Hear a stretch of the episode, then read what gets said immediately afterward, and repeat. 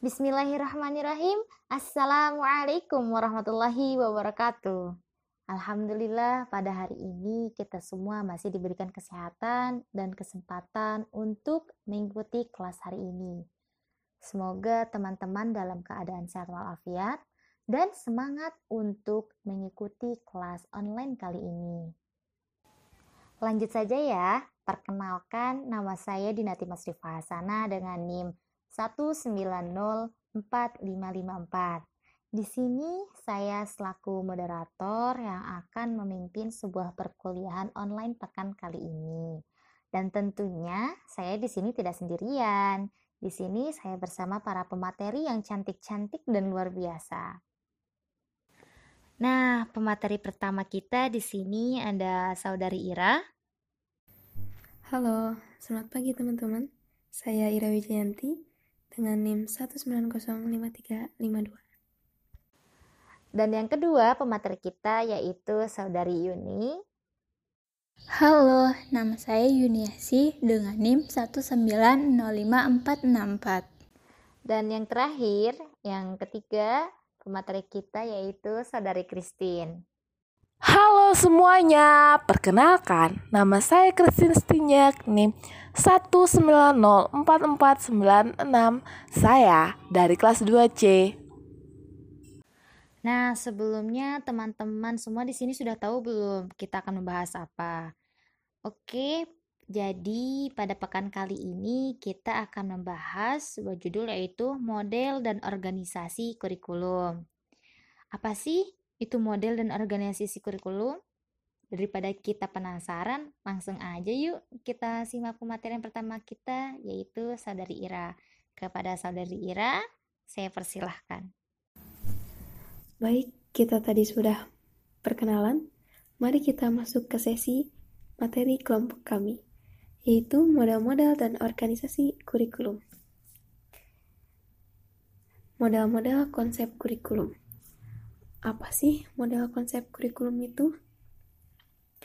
Model konsep kurikulum yaitu suatu model kurikulum tertentu yang dilahirkan dari suatu paham filsafat psikologi, sosiologi, serta iptek tertentu, termasuk di dalamnya sistem politik.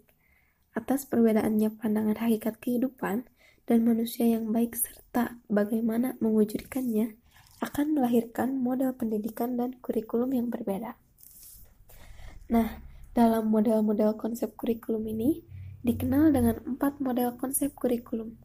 Yang pertama, ada model kurikulum subjek akademik, yang kedua, ada model kurikulum pribadi. Yang ketiga, model kurikulum rekonstruksi sosial. Dan yang keempat adalah model kurikulum teknologis. Nah, atas keempat poin tadi, mari kita pahami lebih lanjut poin-poin tersebut. Yang ke satu, kurikulum subjek akademik. Model kurikulum ini bertujuan untuk mewariskan nilai-nilai dan ajaran-ajaran yang sudah dikembangkan oleh para ahli di masa lampau kepada generasi muda masa kini. Materi pelajarannya bersumber dari buku-buku tua besar, termasuk kitab suci. Nah, kurikulum ini ditekankan pada peserta didik agar dapat menguasai isi dari buku atau kitab-kitab tersebut. Lalu yang kedua, ada kurikulum pribadi.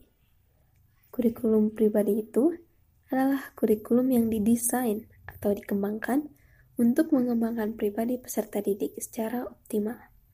Materi ajarannya tidak terpaku pada suatu bidang studi tertentu, akan tetapi disesuaikan dengan minat dan bakat peserta didik.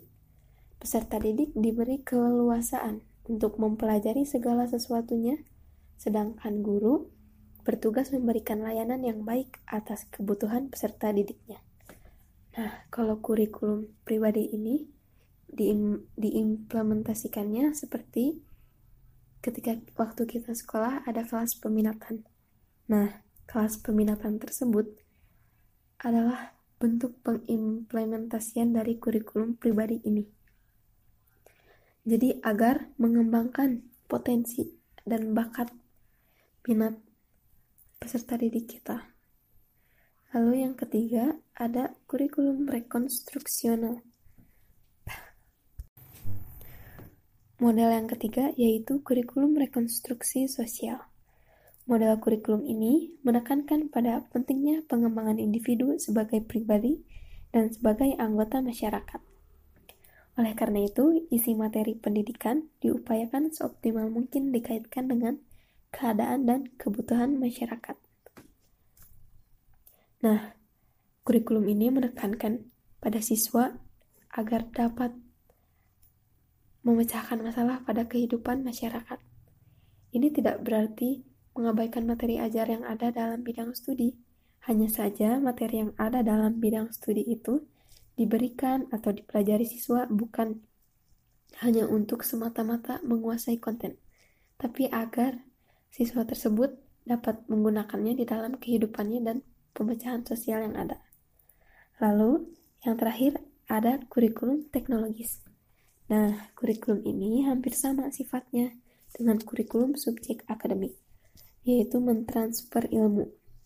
Jika subjek akademik itu isinya adalah ajaran-ajaran yang sudah teruji di masa lampau oleh para ahli, maka kurikulum teknologis ini lebih mengikuti arus pengembangan globalisasi ilmu pengetahuan dan teknologinya yang diperkuat untuk pengajaran anak didik. Lalu yang Lalu materi kedua yaitu modal-modal pengembangan kurikulum. Modal-modal pengembangan kurikulum ini adalah gambaran sistematis mengenai prosedur yang ditempuh dalam melakukan aktivitas pengembangan kurikulum, yaitu proses perencanaan, lalu pelaksanaan atau uji coba, dan penilaian kurikulum. Nah, di model pengembangan kurikulum ini yang seperti yang dikatakan Dorin a model is the mental picture that help us understanding something we cannot see or experience directly. Dalam Kurniawan 2015 halaman 4 yang artinya model adalah gambaran mental yang membantu kita memahami sesuatu yang tidak dapat kita lihat atau alami secara langsung. Dapat juga diartikan sebagai tiruan atau miniatur dari benda atau proses sebenarnya. Lalu, beberapa model pengembangan kurikulum terdapat di antaranya yaitu model Tyler, lalu ada model Zeiss, lalu ada model Beauchamp, lalu yang keempat ada model Hilda Taba, dan yang terakhir ada model Seller dan Miller. Nah, beberapa model pengembangan ini akan dibahas oleh rekan kita yang selanjutnya, yaitu Yuniasi. Kepadanya, saya persilahkan. Oke, terima kasih kepada saudari Ira yang telah memaparkan pemateriannya. Nah, mungkin sampai sini kita masih belum cukup paham ya. Maksudnya, kita belum tuntas untuk mendengarkan sebuah pematerian. Nah, selanjutnya agar kita lebih paham lagi, kita simak yuk pematerian kedua kita kepada saudari Yuni, dipersilahkan. Teman-teman tahu nggak, udah berapa kali kurikulum pendidikan di Indonesia mengalami pengembangan? Lalu gimana sih model pengembangan sebuah kurikulum itu? Nah, di sini kita akan membahas bagaimana model-model pengembangan sebuah kurikulum. Berdasarkan informasi dari berbagai sumber yang ditemukan, kurang lebih Indonesia sudah melakukan 11 kali pengembangan kurikulum sejak merdeka. Kalau dihitung sama kurikulum merdeka belajar sih berarti udah 12 kali ya. Nah, sebenarnya pengembangan atau bahkan perubahan kurikulum bukan sebuah hal yang mengherankan karena salah satu prinsip kurikulum yaitu prinsip relevansi. Seperti yang udah dibahas oleh teman-teman kelompok lain dalam pertemuan sebelumnya. Dengan adanya prinsip relevansi, sebuah kurikulum harus mampu secara dinamis menyesuaikan dengan perubahan dan tuntutan zaman, sehingga dapat menghasilkan luaran yang mampu beradaptasi dengan zamannya ada banyak model dalam pengembangan kurikulum. Nah, dalam pembahasan kali ini kita akan membahas dua model dari dua pendekatan yang berbeda. Model pengembangan kurikulum yang pertama yaitu model Taylor. Sesuai dengan namanya, pengembangan kurikulum dengan model Taylor ini dikembangkan oleh seorang yang bernama Ralph Taylor. Model Taylor merancang kurikulum sesuai dengan tujuan dan misi suatu institusi pendidikan. Pengembangan kurikulum dengan model Taylor yaitu pengembangan yang bersifat sekuensial atau berurut, di mana pola pengembangan dalam model Taylor dimulai dengan menentukan tujuan, yaitu untuk menentukan arah dan sasaran pendidikan. Kemudian, menentukan pengalaman belajar ini disesuaikan dengan tujuan yang ingin dicapai, sehingga mampu memuaskan peserta didik dalam membangun pengalaman belajarnya. Kemudian, mengorganisasikan pengalaman belajar dalam bentuk program maupun unit pelajaran yang bersifat kesinambungan dan menunjang dalam memperoleh pengalaman belajar pada bidang lainnya. Dan yang terakhir ada evaluasi. Nah, evaluasi ini penting banget biar tahu gimana ketercapaian tujuan dan misi pendidikan yang sudah direncanakan oleh institusi pendidikan.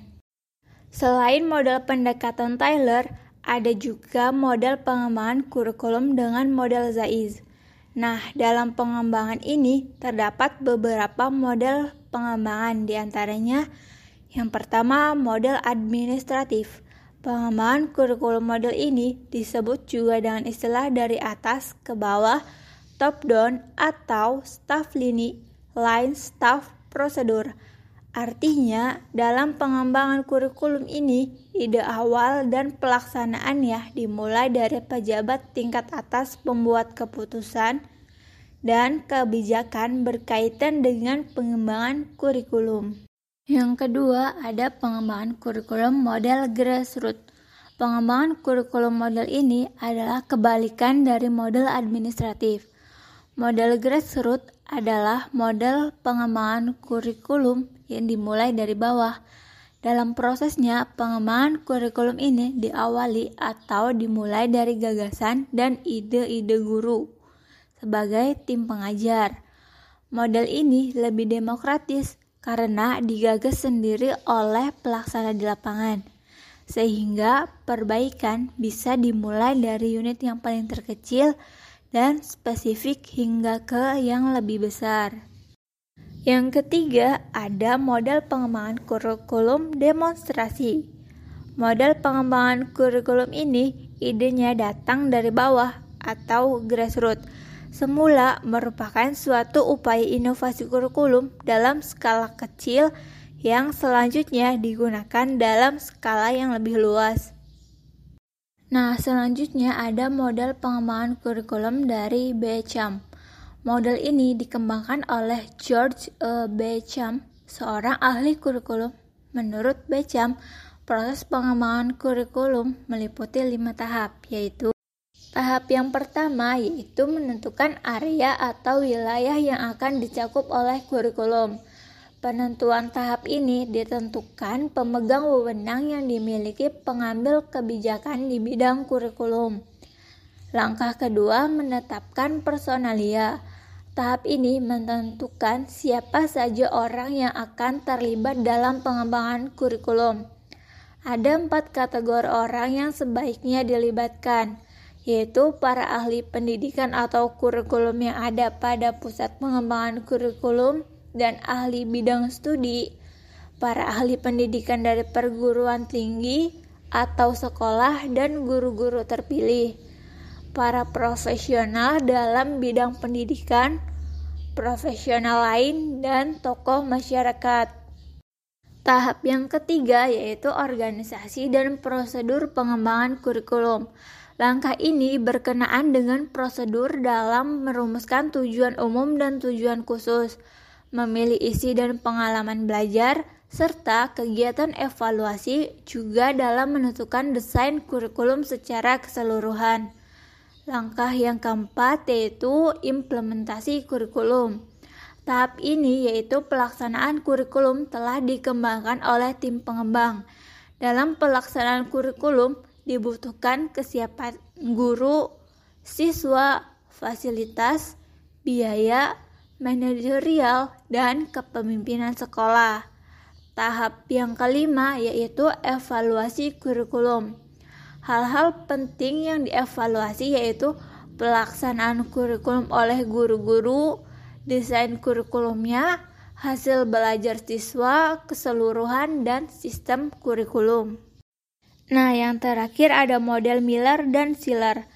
Pengembangan kurikulum ini ada perbedaan dengan model-model sebelumnya. Model pengembangan kurikulum Miller-Siller ini merupakan pengembangan kurikulum kombinasi dari model transmisi Gagne dan model transaksi Taba dan Robinson. Adapun tahapannya meliputi empat hal. Yang pertama, klarifikasi orientasi kurikulum. Orientasi ini merefleksikan pandangan filosofis, psikologis, dan sosiologis terhadap kurikulum yang seharusnya dikembangkan. Yang kedua, pengembangan tujuan. Langkah selanjutnya adalah mengembangkan tujuan umum dan tujuan khusus berdasarkan orientasi kurikulum yang bersangkutan. Yang ketiga, identifikasi model mengajar. Pada tahap ini, pelaksanaan kurikulum harus mengidentifikasi strategi mengajar yang akan digunakan yang disesuaikan dengan tujuan dan orientasi kurikulum. Yang keempat, implementasi. Implementasi sebaiknya dilaksanakan dengan memperhatikan komponen-komponen program studi, identifikasi sumber, pendanaan, pengembangan profesional, penetapan waktu, komunikasi, dan sistem monitoring. Oke, terima kasih kepada saudari Yuni yang telah memaparkan pemateriannya. Kayaknya kita semakin penasaran ya bagaimana akhir dari sebuah pematerian kali ini. Kita lanjutkan saja kepada pematerian terakhir kita yaitu saudari Christine. Kepada saudari Christine dipersilahkan. Gimana teman-teman? Masih pada semangat kan dengan materi hari ini? Yuk kita lanjut. Kemudian, sintetis model-model pengembangan kurikulum. Pertama, esensi dari pengembangan kurikulum itu adalah langkah sistematis dalam pengambilan keputusan tentang komponen-komponen kurikulum yang terjalin sedemikian rupa. Kedua, dalam pengembangan kurikulum setidaknya ada dua pendekatan. Pertama, pendekatan administratif.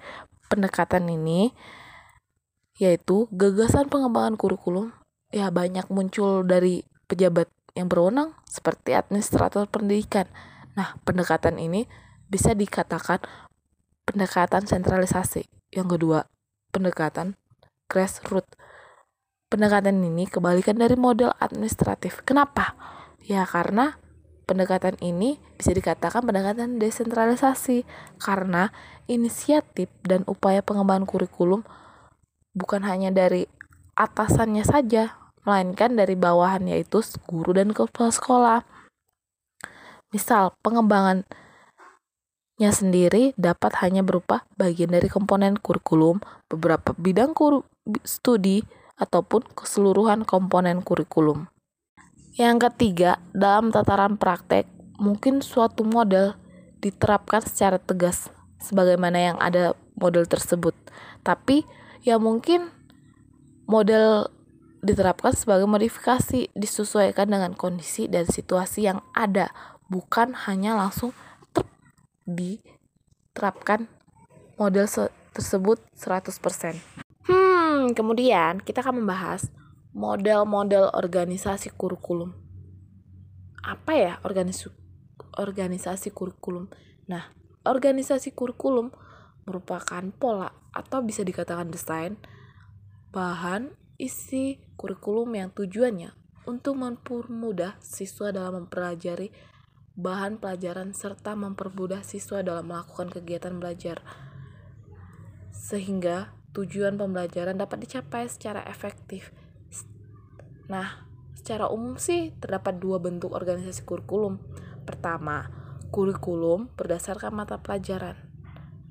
Yang kedua, kurikulum terpadu. Kurikulum berdasarkan mata pelajaran atau subjek kurikulum.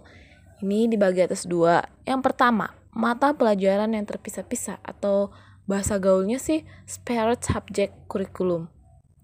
Nah, pada kurikulum ini proses proses pembelajarannya cenderung aktivitas siswa tidak diperhatikan bahkan diabaikan karena yang dianggap penting adalah supaya sejumlah informasi sebagai bahan pelajaran dapat diterima dan dihafal oleh siswa. Demikian pula bahan pelajaran yang diterima oleh siswa umumnya tidak aktual karena tidak sesuai dengan kebutuhan dan perkembangan masyarakat. Dan model ini biasanya diterapkan atau dipakai di perguruan tinggi. Subjek kurikulum ini tujuannya agar generasi muda mengenal hasil-hasil kebudayaan dan pengetahuan umat manusia yang telah dikumpulkan secara berabad-abad oleh generasi terdahulu. Nah, dalam mata pelajaran terpisah-pisah ini ada nih positif negatifnya. Yang pertama, kita bahas positifnya ya teman-teman.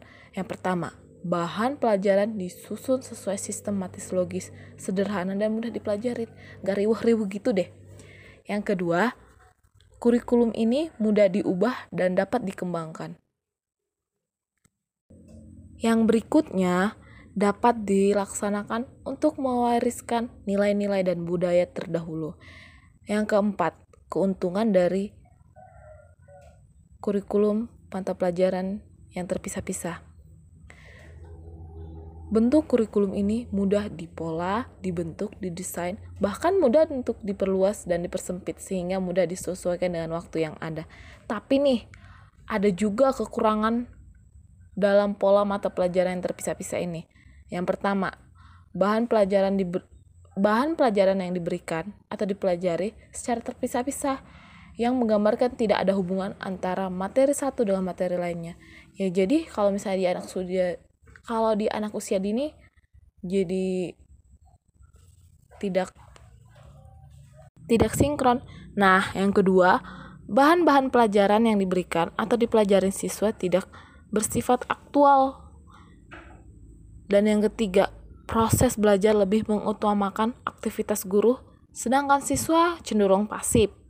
Yang keempat, pelajaran tidak berdasarkan pada aspek permasalahan sosial yang dihadapi siswa maupun kebutuhan masyarakat. Jadi ini hanya membahas masa lalu, masa lalu yang sudah berlalu. Yang kedua, kurikulum kurikulum mata pelajaran berdasar kurikulum mata pelajaran gabungan atau courage kurikulum. Nah, kurikulum ini mengkehendaki agar mata pelajaran satu sama lain ada keterkaitan nih. Gimana? Posisinya masih aman kan? Kita lanjut. Kurikulum terpadu. Kurikulum ini lebih cenderung memandang bahwa suatu pokok bahasan harus terpadu secara menyeluruh. Keterpaduan ini sih dapat dicapai melalui pemusatan pelajaran pada satu masalah tertentu. Kemudian ada alternatif pemecahan melalui berbagai disiplin ilmu atau mata pelajaran sehingga batas-batas antara mata pelajaran dapat ditiadakan dan kurikulum terpadu ini sangat cocok diterapkan di anak usia dini. Kurikulum terpadu dibagi atas tiga bentuk nih teman-teman. Yang pertama, kurikulum inti atau core kurikulum. Karakteristiknya, yang pertama, kurikulum ini direncanakan secara berkelanjutan atau kontinu, selalu berkaitan dan direncanakan secara terus-menerus tidak pasif ya. Yang kedua, isi kurikulum yang dikembangkan merupakan rangkaian dari pengalaman yang saling berkaitan, berkaitan satu sama lain. Selanjutnya, selalu mengambil atas dasar masalah atau problema yang dihadapi secara aktual. Dan kemudian, kurikulum ini cenderung mengambil atau mengangkat substansi yang bersifat pribadi maupun sosial. Berikutnya, bentuk kurikulum terpadu. Yang kedua, social functions and activity curriculum. Jadi, didasarkan atas analisis kegiatan yang dilakukan manusia sebagai individu dan sebagai anggota masyarakat. Dalam kurikulum ini dapat diangkat berbagai kegiatan-kegiatan manusia yang dapat dijadikan sebagai topik pembelajaran. Kegiatan manusia di masyarakat setiap saat akan berubah sesuai dengan perkembangan maupun era globalisasi, sehingga substansi social functions pun harus bersifat dinamis. Jadi sifatnya dinamis ya teman-teman. Bentuk kurikulum terpadu yang ketiga nih, ada experience and activity curriculum. Jadi kurikulum ini cenderung mengutamakan kegiatan-kegiatan atau pengalaman siswa dalam membentuk kemampuan yang terintegrasi dengan lingkungan maupun dengan potensi siswa. Karakteristik dari kurikulum ini sih memberikan pendidikan keterampilan atau kejujuran, tetapi di dalamnya tercakup pengembangan kemampuan intelektual dan akademik yang berkaitan dengan aspek keterampilan atau kejuruan tersebut. Simpulan untuk materi hari ini yaitu konsep kurikulum adalah suatu model kurikulum tertentu yang dilahirkan dari suatu paham filsafat, psikologi, sosiologi, termasuk di dalamnya sistem politik, serta iptek tertentu. Ada empat konsep kurikulum yaitu model kurikulum subjek akademik, model kurikulum pribadi, model kurikulum rekonstruksi sosial, dan model kurikulum teknologis. Pengembangan kurikulum merupakan suatu istilah yang konferensif di dalamnya mencakup perencanaan, penerapan, dan penilaian. Beberapa model pengembangan kurikulum, yang pertama model Tiller, model Zeiss, administratif, grassroots demonstratif, model Buchem, model Hilda Taba, dan yang terakhir model Seller dan Miller. Organisasi kurikulum merupakan pola atau desain bahan atau isi kurikulum yang tujuannya untuk mempermudah siswa dalam mempelajari bahan pelajaran serta mempermudah siswa dalam melakukan kegiatan belajar sehingga tujuan pendidikan tercapai.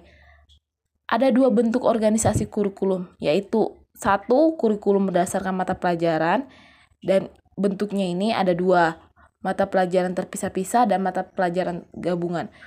Dan yang kedua, kurikulum terpadu terbagi atas tiga bentuk, yaitu kurikulum inti, yang kedua, social functions and activity curriculum. Dan yang ketiga, experience or activity curriculum. Sekian simpulan dan materi hari ini.